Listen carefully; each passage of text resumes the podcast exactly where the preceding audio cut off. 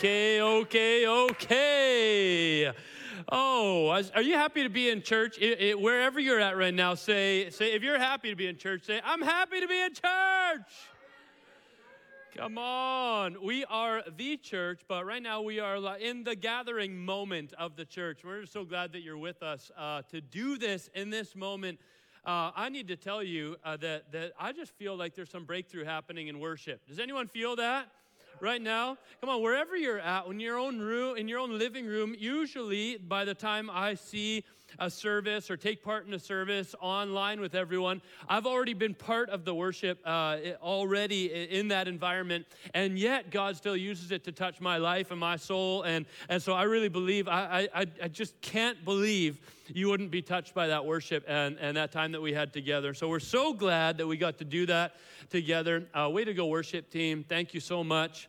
And uh, it's, just, it's just so awesome to be together. As worship was happening today, I, I started adding all sorts of notes to my, to my uh, notes today because I just feel like God is stirring something up. I feel like there's something in myself that I, I just like every time I bring a sermon to, to a, a, Sunday, every time I show up to, to share, it's not just what I've prepared, it's what the, what the Spirit of God is doing in the moment. What God is uh, grabbing hold of me uh, in that moment and, and sharing with me. And, and so I just, I just believe God's got something real and alive and true for you today. And I want you to just open up your heart and receive it today, okay? Okay, you do that. Um, also, I just want to say a quick thank you uh, for last week. Um, some sermons that a pastor preaches are, are, are, are more challenging. Maybe not, maybe not I don't know. They're more challenging because we, we know for sure uh, that God has given them to us, that they're weighty, that they may cause some people to feel frustrated or not happy about them. Last week was one of those sermons, and, uh, and it was something I had to preach, and I knew it, and God had given it to me. Uh, but I just want to encourage you. The church is moving in such a cool direction. We're unified, we're moving forward. I believe God's timing is good, that He, he pulls us towards the right spots at the right time, that He, he prepares each of our hearts as we're meant to be prepared, that we would be united. And, and throughout COVID, uh, I believe at the end of COVID, when it all wraps up, the church, I keep saying this, the church isn't limping into the new season, the church will be bursting into the new season. And God's got, God's got something greater for us in the future because of what He is doing right now than we've ever seen in the past. Amen? Come on, I'm just holding on to that. And I, and I not just holding on like, oh, some sort of faith way far away, I hope, maybe, could it be? But I believe for it. God is just stirring that up in my heart, and I know He's stirring it up in many of your hearts as well. If you didn't know this, my name's Evan, and uh, I'm the lead pastor here, and just so glad to have you with us in this space. Uh, we're starting a brand new series today. As you just saw, some of you uh, are missing that, that uh, missing Joshua running through the woods, and that's probably the last time I'll mention that. And uh, but but uh, I know I know there's a lot of comments, a lot. Of, but anyways, uh, we're on to new things. We're on to new, bigger and better things because we're talking about Exodus. Exodus is, is this key, huge, massive moment in Israel's history. And by the way, some people would come like, why, did, why are we talking about Israel and what is that?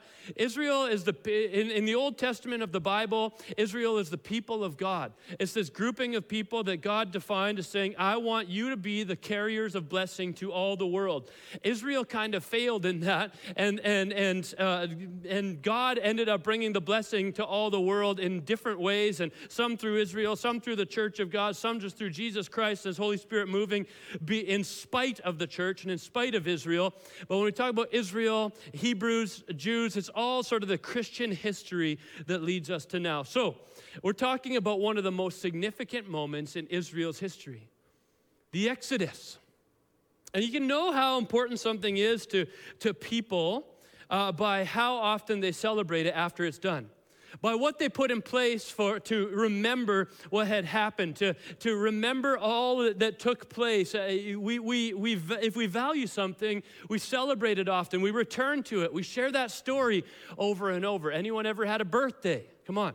You're, you started your life and then you celebrate your birthday a year later and then another year later and then another year later because someone along the way decided that you being born was a valuable thing that we want to continue to remember. Oh, we, we, maybe it's an anniversary.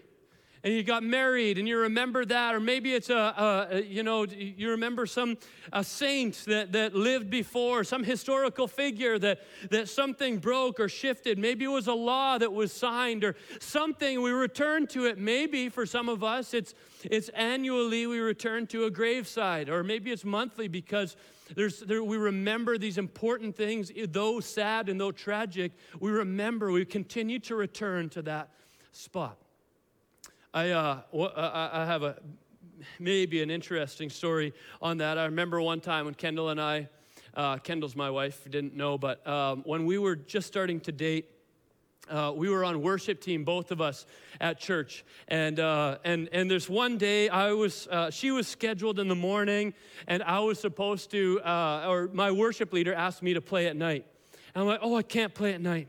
He said, Well, why not? Oh, I can't be on because it's a really important day to have to remember it. It's really, it's really valuable, really key moment in life. He goes, Oh, what, what is it? I said, It's mine and Kendall's one month dating anniversary. uh, when I was first thinking about telling that story, I was going to make fun of me so hard. But then I realized some of you maybe are celebrating your one month dating anniversary and it's really important to you. So if it is, uh, go for it. It's awesome. But looking back, it was kind of funny. Anyways, I'm like, it's really important. It's one month, you know, one month in, it's do or die. Everything you do, you never know if she's gonna. So I got to make sure I really celebrate that day well. He goes, listen, F, we'll do a secret. I'm gonna shift her to the evening service. You guys are gonna do worship together on your one month. I'm like, oh yeah, that's going to be awesome. And then he got us. We, we, we were in there prepping ahead of time. By the way, our worship team, if it's one month dating anniversary, you're on schedule, okay? Here, you just show up. Show a little more commitment than I showed. Anyways, uh, my, our worship leader shows up and he's got a cake for us, one month cake. And uh, it was awesome. And so it became this really sweet moment in our, in our dating history. But we all have these moments that we circle back on and remember remember and celebrate. And for, for Israel and for the history of Christianity, one of the key times that God called Israel to remember, that they over and over remembered, was the Exodus. That many of their feasts hearkened back to a moment at the Exodus, that the celebrations, that the, the moments they would gather, the annual festivities, the, the times they would do sacrifices, and all of these things came back to this season in Israel's life when, when from slavery they became saved, where God showed up as the Savior, where salvation came to a nation. And this is the moment that they remembered. And so for us, when we consider salvation, when we consider what God has done for us, when we consider what God wants to do for us, we have to know the reality of the Exodus. So when I was thinking about this too, we, we sing a song fairly often called Egypt. I think it's called Egypt. And, and uh, it talks about this story. For me, when I first heard Egypt, I was like, oh, I love this because it tells the story. It talks about how God brought me out of Egypt. He led me by the hand. You know, He's taken me to the promised land. All of that is in there. I realize for some people listening in who are new to faith and new to understanding what salvation is, maybe don't actually have any concept of what actually happened that we that so deeply reveals something about God. And so we're going to take the next few weeks as we prepare for Easter, uh, looking at the Exodus and the salvation that came came uh, through the Exodus when God became the Savior of Israel. See, Exodus 14 13, I just have a little piece of it. I'm going to talk about it more in about four weeks. It says, Fear not, stand firm, and see the salvation of the Lord. Up until that point, God was the God of Abraham, Isaac, and Jacob. Like, who are you? the God of Abraham, Isaac, and Jacob. And, and Abraham, Isaac, and Jacob were these key characters in the Bible that God, uh, to identify himself to someone who's showing up, said, these people are who I'm the, I'm the God of. That's who I am. And after the experience with Exodus, it wasn't, it wasn't as much, I am the God of Abraham, Isaac, and Jacob. It was, I am the God of Israel who saved them from Egypt. That's what I want you to remember. Not just a God of one or two people or a couple, a, a little genealogy. I'm the God of a nation that was saved from a power that they could have never been saved from. I set them free to a whole new promise and a whole new purpose. And ever since that moment, I will be known as the one who can set people free and save them from the slavery that they walk in. This is who God is, this is who He became. Let me give you the context as we look this week at the first uh, portion of that salvation story, the first scene, if you will, before next week, Pastor Rob shares with us in week two. Come on, anyone love Pastor Rob? You. Uh, here we go. So, Israel, I just mentioned Abraham, Isaac, and Jacob uh, Jacob ends up having his name changed to Israel when he wrestles with God. Israel means wrestles with God. And so he wrestled with God. He became Israel. He had uh, 12 kids. One of those kids was named Joseph. Joseph had a terrible life in many ways. We should probably preach on that at some point. And then he showed up to Egypt. He had the favor of God all over his life and saw that the terrible things actually led him to the purpose of God. He was in Egypt, which is not where he was meant to go. The, the, the promised land is where Israel was meant to go. But here's Joseph in Egypt, and the favor of God is there. All of Israel and his family ends up moving there. So when Israel enters Egypt, they are one family. Israel and his 12 kids and a few other kids, and, and Egypt, the Egyptians liked them at that point. As time went on, the, the pharaohs changed over, the leadership changed over, and now they didn't like these foreigners. They didn't want these foreigners here. Who's these Hebrew people? Who's, who are these people that, that we don't really like here? They're not like us. They don't have a culture like us. They don't act like us. They don't behave like us. What are, uh, uh, what are they doing here? And so eventually the Hebrews or the Israelites became the slaves of the Egyptians. Well, that lasted for 400 years. You can imagine what that does to your expectation of God, to your, to your identity, to who you are. It's no longer that we are people of promise, we are just slaves.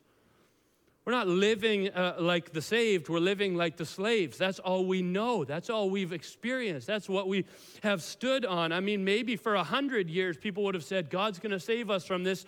Maybe 200 years, people might have told some stories, but they hadn't known God as the Savior yet. They've known Him as the Creator and the Provider. They've known Him as, as someone who wrote a story and someone had a promise way long ago, but now they've been 400 years in slavery. What's salvation look like in that moment? I wonder how many of us, when we, when we think of God, we think, oh, well, that, that's not me. That's not my story. That's not my family's story. That's not where I've come from. That's not what I've experienced. That's not what I've known. Good things don't usually happen to me, they happen to the other people. That's not what I am. See, God, when He writes a story of salvation, He doesn't look for those who are good and figured out and in the promised land, He looks for those who are enslaved. He says, I've got a salvation that sets the captives free. I've got a salvation that frees those who are enslaved. I've got a salvation that releases you from generational brokenness and generational slavery. I've got something brand new for you to experience. Well, in those 400 years, all of a sudden there's a, a Pharaoh, a Pharaoh who is not very happy that that in the midst of 400 years of oppression and slavery and hard labor, uh, the Israelites, the Hebrews, are actually a growing population. More and more ha- are coming. They're being fruitful. They're multiplying. They're becoming stronger. And Pharaoh says, This is kind of scary. He tries a few things to calm them down in case all of a sudden they, they might revolt against us or they might, they might they, this, this can't be a good thing. We can't let this happen. And so eventually, what takes place is that Pharaoh decides, Here's what we're going to do we're going to kill every boy that's born to the Hebrews. It's pretty crazy. Another spot that happens in the Bible, by the way, which we could talk about another time. We're going to kill all the boys that come to the Hebrew. So now all the midwives, all the everyone who's going to be helping them uh, have babies, and they know if if there's a if it's a boy, you chuck that boy in the Nile River. It's crazy. And this is what's going to happen. This is the scene that's taking place in that moment. What is the best scene for salvation? It's destined, it's just brokenness, it's, it's messiness, it's lostness, it's confusion, it's all of these spots. That's where salvation thrives. That's where God comes and moves. So, so here we are, and Pharaoh said, All the boys must die. By the way, I love it that Pharaoh thinks that if he kills all the boys, all of a sudden this whole, this whole group is going to die. Anyone know that, that when the women rise up and when, when the girls all of a sudden get ignited and, and, and start pushing and believing that actually that, that culture and that society actually rises in new and incredible ways? I love that, that in this culture where the Hebrews were marginalized and women were marginalized, we're about to hear the story of a woman who's going to be the hero that actually ushers in the salvation of God for Israel. That's good news. So here's the story. It says Exodus 2 1 to 10.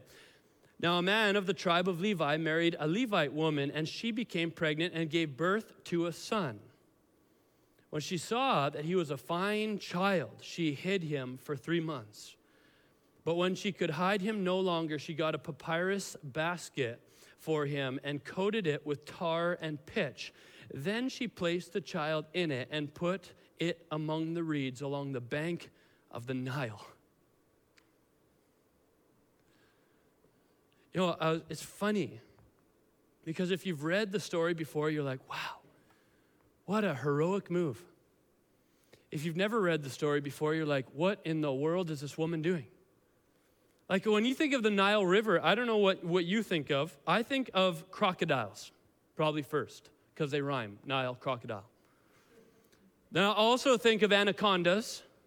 I also think of, of uh, piranhas. Like I think of all sorts of nastiness. Like it, it's scary. I, I, think it's really murky as winding through like just just scary spaces. There's probably all sorts of animals that can kill you, all sorts of things in this thing that can kill you. And this woman comes on down and goes, "I've got a three month old baby, and I'm just going to go ahead and lay this baby in the Nile." See, this isn't telling us this is how you save people. It's not that if you want salvation to come to your house, start throwing your three month olds into the river and and maybe all of a sudden salvation is going to show up to your house. What actually is going on here is this woman is so broken, so destitute, so lost, has no idea how to save her kid that she has to let go of her idea of saving her child and let God step in and save her child. The classic let go and let God. You know, uh, she's not a hero. I've, I, I almost, I wanted to preach about, her name's Jochebed. I wanted to preach about Jochebed and say, man, she was so incredible. She's so creative. Well, isn't that so smart? Putting a, putting a papyrus basket together and tar and pitch and, and, and, and just getting it all ready and floating it on down the Nile. Isn't she smart? No, that's not a smart move. It's not a, that's not a wise thing. That's, it's not like everyone looks and goes, oh, baby floating down the river. Someone's getting saved. Everyone looks and goes, a baby floating down the river. Someone's to die. But Jochebed is in a spot where she has no idea how to save her kid. Imagine those moments of her nursing little Moses God, what are you going to do? Why, did, why is he born into this world? Now he's supposed to die. What would the conversations have been with other moms? Should we rise up against when they come in the door? You know, like let's let's smack them and, and try to defend our babies? Like, are we going to hide them in a different way? Should we try to get out of town and leave? Like, what should we do? It's a completely hopeless situation. There's no potential uh, benefit here. There's no potential, like, maybe I can just save this child. No, she's at such a broken spot where she knows she can't be part of the salvation of her child that all she can do is release him to the salvation that God may have for him. Salvation comes when we can't save ourselves. When we can save ourselves, salvation is not needed. God's salvation shows up in our lives when we realize that our salvation is not enough for us. So let's see what happens. It says, His sister stood at a distance to see what would happen to him.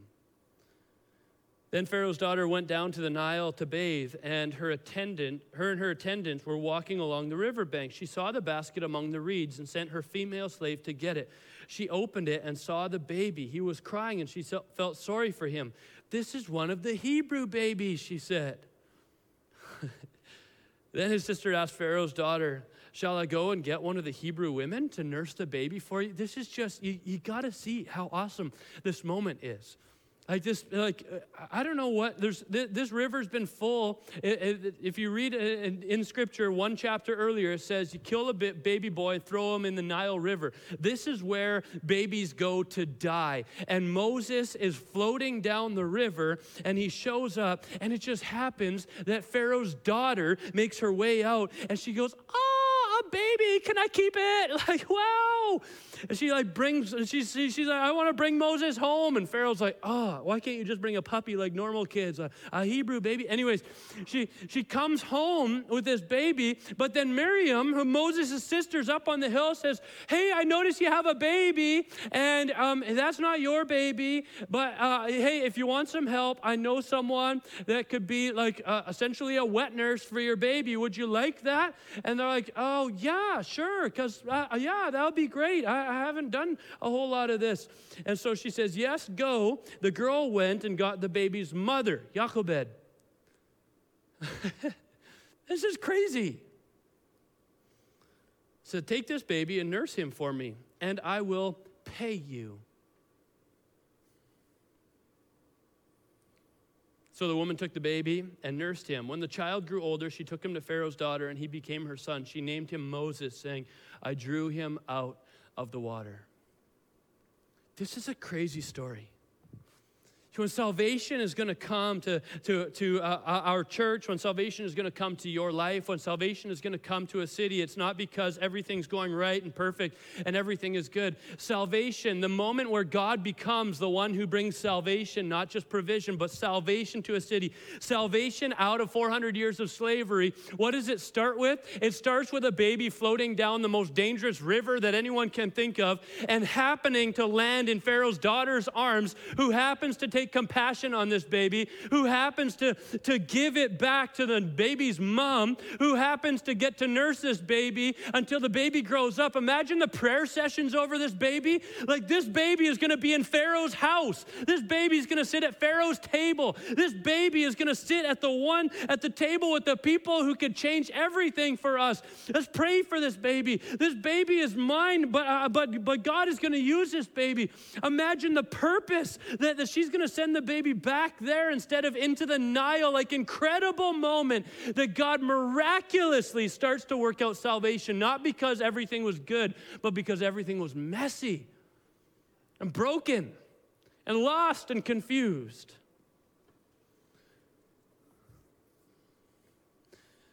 The salvation of the Lord only comes to those who can't save themselves. And to see the salvation you can't be the salvation.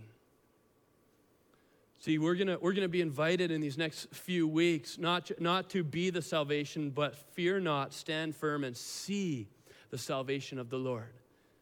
If Jochebed would have been like, I'm going to keep this baby, this baby's best with me, uh, then, then all, she, would have, he, she would have lost the baby. Moses would have ended up in the Nile, but in a very different reality, a very different situation. Instead, Jochebed said, uh, God, I'm going to trust your grace. I'm going to trust your provision. I'm going to trust what you have.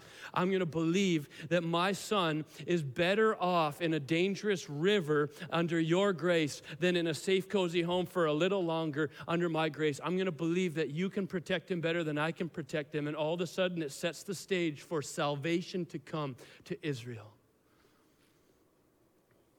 So, what happens?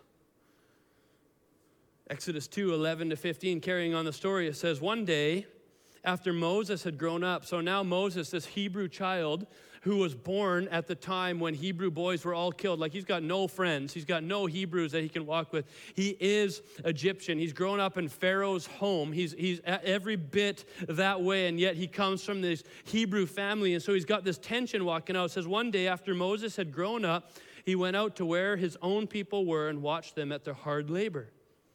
He saw an Egyptian beating a Hebrew. Hebrews are who he was, one of his own people. looking this way and that and seeing no one, he killed the Egyptian and hid him in the sand. You know what? This is Moses' first failure at salvation. I know. I'm going to save my people. I know, I know what I need to do. I'm just going to kill off the Egyptians one by one. He's got this growing desire to look after the, the Hebrews from whom he was born. He's got this growing desire to care for Jochebed, his, his mom's family. He wants to look after them. He wants to go and, and set them free. And so, how am I going to free them? I know I'm going to go and I'm going to be Moses and I'm going to be powerful. I learned how to fight. I learned how to use a sword. I learned how, I learned how all the Egyptians work. I'm going to go and start killing them off one by one. And I'm going to set Israel free. This is going to be awesome. It says the next day he went out and saw two Hebrews fighting. And he asked the one in the wrong, Why are you hitting your fellow Hebrew? And the man said, Who made you ruler and judge over us? Are you thinking of killing me as you killed the Egyptian? And then Moses was afraid and thought, What I did must have become known. When Pharaoh heard of this, he tried to kill Moses. But Moses fled from Pharaoh and went to live in Midian where he sat down by a well. The rest is next week. See, Moses grows up. He decides, I want to save my people. Worship team, you can come on up. I'm going to go and do that. I'm going to show them how kind I am and how great I am and how much of a leader I could be by slaying this Egyptian that's, that's oppressing my people. And instead of getting the accolades that he thinks, instead of uh, you know rallying up a troop, instead the next day when he goes and talks to some more Hebrews, they're like, "What are you doing? Who are you going to kill now? Like, what are you trying to pretend to be? Are you Egyptian? Are you Hebrew?"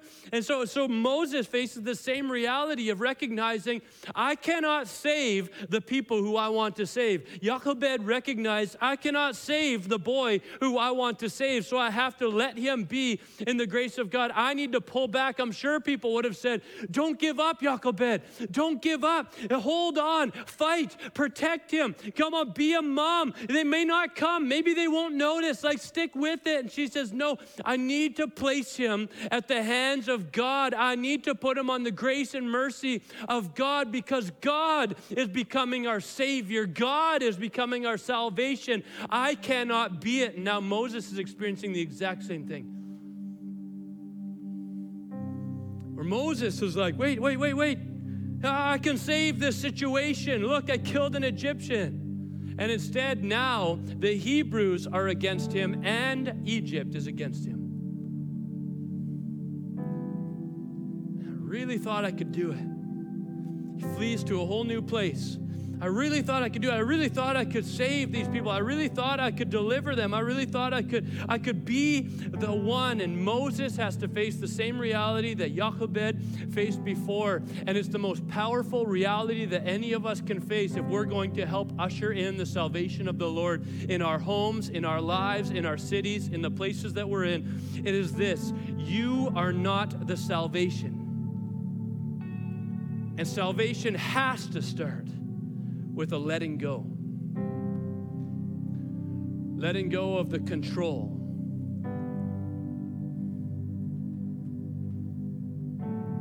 Of the ability to save. Of the ability to make it all right. Solve every problem. To fix every broken heart. To restore every broken marriage Salvation that would be celebrated for generations after generations after generations, remembered through feasts and celebrations and, and, and, sacrifices and all these things. Salvation was going to start by a woman letting go of her ability to save her own son, and a son letting go of his ability to save a nation. And that was going to release God to do it and bring that salvation to his people. And so today, as we consider salvation, I want you to consider what is it you need to let go of?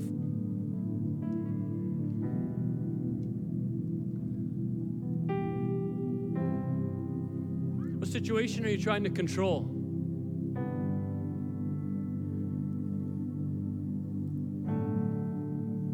What are you trying to save? Are you trying to save yourself? Maybe it's maybe it's your emotions, your mental health, and you're just constantly trying to save yourself. You're you're riddled with with with fear and overwhelmed because you can't seem to get any better. You don't seem to be getting any further along. And, and how am I going to get better? How am I going to become more consistent? How am I going to stay a certain way? Today, maybe salvation needs to show up to you by you saying, I need to let go of this. This isn't to give up on this. This is to let God take control of what I cannot control, anyways. Maybe it's your marriage. Maybe you just can't figure out how to fix this thing. When is it going to get better?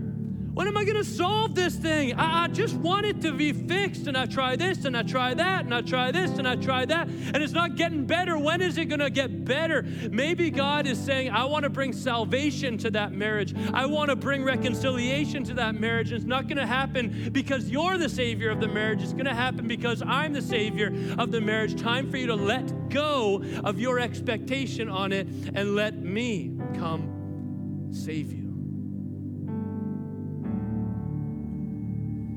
Maybe it's a health concern. Been just trying to hold on to the outcome. No, this is the outcome I, I need. This is the outcome that, that I need to hold on to. This is what's going to happen. This is what I'm believing for. This is what has to take place. I can do it. I can get there. It's going to be because I pray really hard. It's going to be because we take all the right things. It's going to be because our diet or our resting or whatever is all lined up and everything is good. And then salvation is going to come to this house. But to whose glory and whose credit? See, salvation comes to your your house when you cannot bring salvation to your house and you let go of the situation that you cannot control, anyways. And all of a sudden, God says, Here's salvation for your home. I don't know what your situation is today, but today maybe there's a letting go that needs to happen. So we're going to take the next few weeks to talk about salvation of Israel and how even that lines up with our own hearts. In your own heart, you will stop the salvation of God from coming to your house as long as you are the Savior of your house. If you want the salvation of God, I mean, temp- I mean, right now and eternal, you need to stop being your own Savior. You need to learn to rely on Jesus. You need to, like Jochebed, give up your child and put them in the river and say they're safer in your hands in the most dangerous river, God. Like Moses, say, I, I, if I'm going to save my people, I better just get out of here because I'm making it worse. I'm going to go and, and, and maybe hear from you, God. A little tip on next week. He does hear from God there. And maybe I'll just get out of here. I'm making it worse. It's not helping. I'm not a benefit. And to really, truly learn, I am not the Savior of the situation. And all of a sudden, Jesus shows up as the Savior of this situation. So today, if that's you, say, I need to let go. I need to let go of trying to control my own life. I need to let go of trying to control my spouse. I need to let go of trying to control my health and my reality. I need to let go of trying to control my kids, my finances, my teacher, because I want salvation in this house.